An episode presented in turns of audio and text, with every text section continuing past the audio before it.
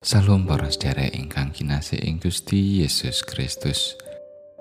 Pepanggihan malih wonten ing Sabtu Winedar, renungan watintenan basa Jawi. Saderengipun kita nampeni pangantikanipun Gusti, saderengipun kita ndedonga. Gusti Allah Rama kawula kasuwargan. Sedaya puji syukur lan panuwun kunjuk dumateng Paduka.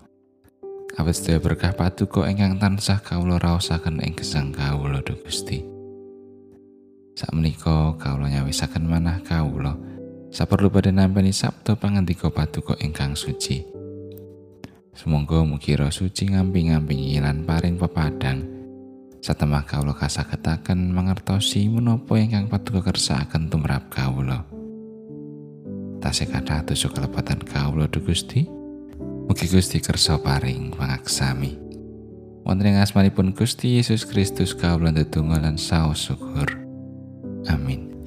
Wawasan kapendet saking lakone para rasul bab kali ayat kali likur ngantos tigang dosa 6. Para sederek Israel, kula aturi midhangetaken atur kula menika. Ingkang kula kajengaken inggih menika Gusti Yesus saking Nazaret, satunggaling priya ingkang sampun kapiji dening Gusti Allah. So ingkang sampun katelakaken dhateng panjenengan sedaya kalian kasekten-kasekten. Tuwin musijat-musijat sarta pratandha-pratandha ingkang dipun wontenaken dening Gusti Allah. Lumantar panjenenganipun wonten ing tengah-tengah panjenengan sedaya kados dene ingkang sampun panjenengan uningani. Panjenenganipun ingkang kaulungaken dening Gusti Allah miturut karsa saha rancanganipun menika sampun panjenengan salib sarta panjenengan setani lumantar tanganipun bangsa-bangsa ingkang duraka. Nanging lajeng kawungaken dening Gusti Allah kawalaken saking sangsaraning pecah. Amargi mboten badhe panjenenganipun lestantun kawekku dening panguwasing pecah menika. Awit Sang Prabu Dawud ngendika ing bab panjenenganipun mekaten. Aku tansah mandeng marang pangeran. Amarga panjenengane jumeneng ing tengenku. Satemah aku ora kego. Mulane atiku asuka rena lan jiwaku asurak-surak. Malah badanku bakal rem kalawan tentrem. Amargi paduka mboten masrahaken kawula dhateng jagatipun tiang pecah. Sarta mboten negakaken abdi paduka ingkang suci ngalami risak. Paduka paring sumar dhateng kawula bab margining gesang. Paduka badhe ngluberaken kapingan dhateng kawula wonten ing pangayunan paduka. Para sederek kula keparenga matur dhateng panjenengan sedaya. Kalayan ngeblak bab sang Prabu Dawud luhuripun bangsa kita panjenenganipun sampun sedo so kasarekaken. So pasareanipun tumugi ing dinten menika tasih wonten. Nanging panjenengan menika setunggaling nabi so mirsa. Bilih Gusti Allah sampun paring prajanji dhateng panjenenganipun kalayan supaos. Bilih Gusti Allah badhe nglenggahaken setunggaling tedhakipun Sang Prabu Dawud piyambak wonten ing damparipun. Margi saking menika panjenenganipun uninga Saderengipun so ngendika bab wungunipun Sang Mesih. Nggih menika nalika ngendika bilih panjenenganipun boten dipun tegakaken wonten ing jagatipun tiang pecah. So bilih saranipun boten badhe risak. Inggih Gusti Yesus menika ingkang kawungaken dening Gusti Allah. So bab menika kula sedaya ingkang sami dados seksinipun. Menapa dene sareng panjenenganipun sampun jinunjung dening astanipun tengen Gusti Allah, tuwin tampi roh suci ingkang kaprastikaken menika. Panjenenganipun lajeng ngesokaken menapa ingkang sampun panjenengan uningani. So panjenengan pirang wonten ing ngriki.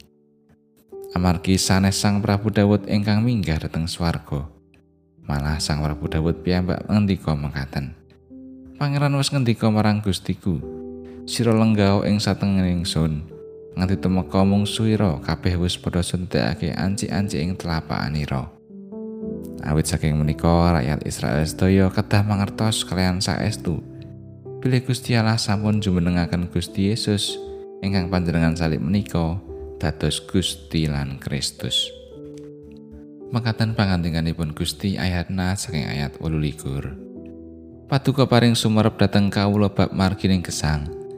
Paduka badhe ngluberaken kapingan dhateng kawula wonten ing pangayunan paduka. Para sederek menawi wonten tiyang ingkang sukses lan sae ing usaha lan panyambut damelipun, asring kapireng saking tangki tepale wah saiki wis etuk dalane urip. Ateges lumantar ayan pedamelan ingkang kandhaken saged dados margi ilining berkah lan saged karaosaken tumrap gesangipun lan brayatipun teman boten sekedhik tiyang ingkang mudidaya kepengin kados dene piyantun menika kepara margi menapa kemawon badhe dipun ambah ingkang baken pikantuk asil ingkang kathah Kamangka margi damelanipun piyambak utawi manut pikajengipun piyambak menika dereng temtu manggihaken kabingahan. Makaten ugi asring mulai manungsa ngambah marginipun piyambak malah nyuwun dumateng Gusti Allah supados berkahi lan nuntun. Kamangka menika dereng temtu laras lan nyendongi kersanipun Gusti. Lakone para rasul ingkang kita waos menika ngemot khotbahipun Rasul Petrus ing sangat senging tiang-tiang Yahudi lan ingkang mapan wonten ing Yerusalem. Menawi Gusti Allah sampun babaraken margining gesang lumantar pakaryanipun Gusti Yesus ingkang sedo sinalip babaraken kawilujengan lan maringaken gesang. Lumantar khotbah Rasul Petrus menika ugi sampun dados pratandha menawi Gusti Allah nuntun para rasul kangge gelaraken Injil kan nedahaken margi ingkang kedah kaambah. Emanipun taksih kathah tiyang ingkang kepengin lan remen ngambah marginipun piyambak. Kamangka menika dereng tumuju dhateng kamulyan. Menawi Gusti Allah sampun nedahaken margining gesang, prayogi kita ambah. Supados gesang kita menika kebak ing kabingahan. Amin.